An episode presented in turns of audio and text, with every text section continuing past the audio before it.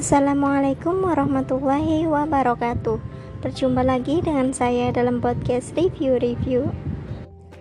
Pada minggu ini, di episode ke-6, kita akan membahas tentang pendalaman administrasi penyuluhan.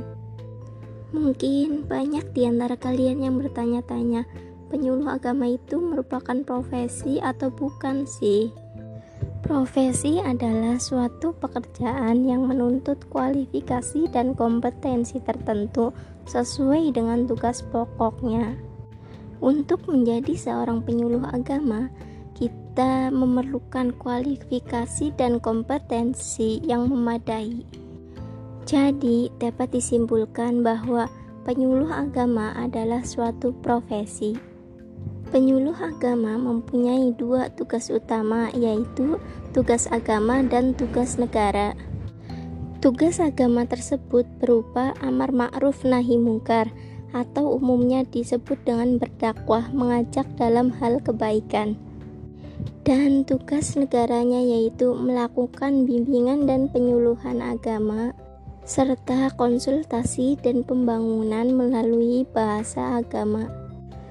Terdapat tugas lainnya juga seperti sebagai motivator dalam pembangunan bagi masyarakat, sebagai agen perubahan, dan sebagai fasilitator.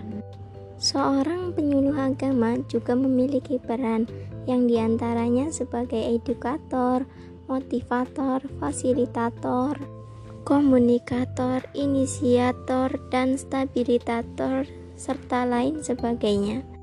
Sedangkan fungsi dari seorang penyuluh agama yaitu informatif, edukatif, konsultatif, dan advokatif. Kompetensi penyuluh agama Terdapat lima kompetensi dalam penyuluh agama yang di antaranya yang pertama, administrasi penyuluhan. Yang kedua, komunikasi penyuluhan. Yang ketiga, substansi penyuluhan. Yang keempat, pengembangan profesi penyuluhan. Dan yang terakhir, kelima, kepribadian. Etika profesi penyuluh agama.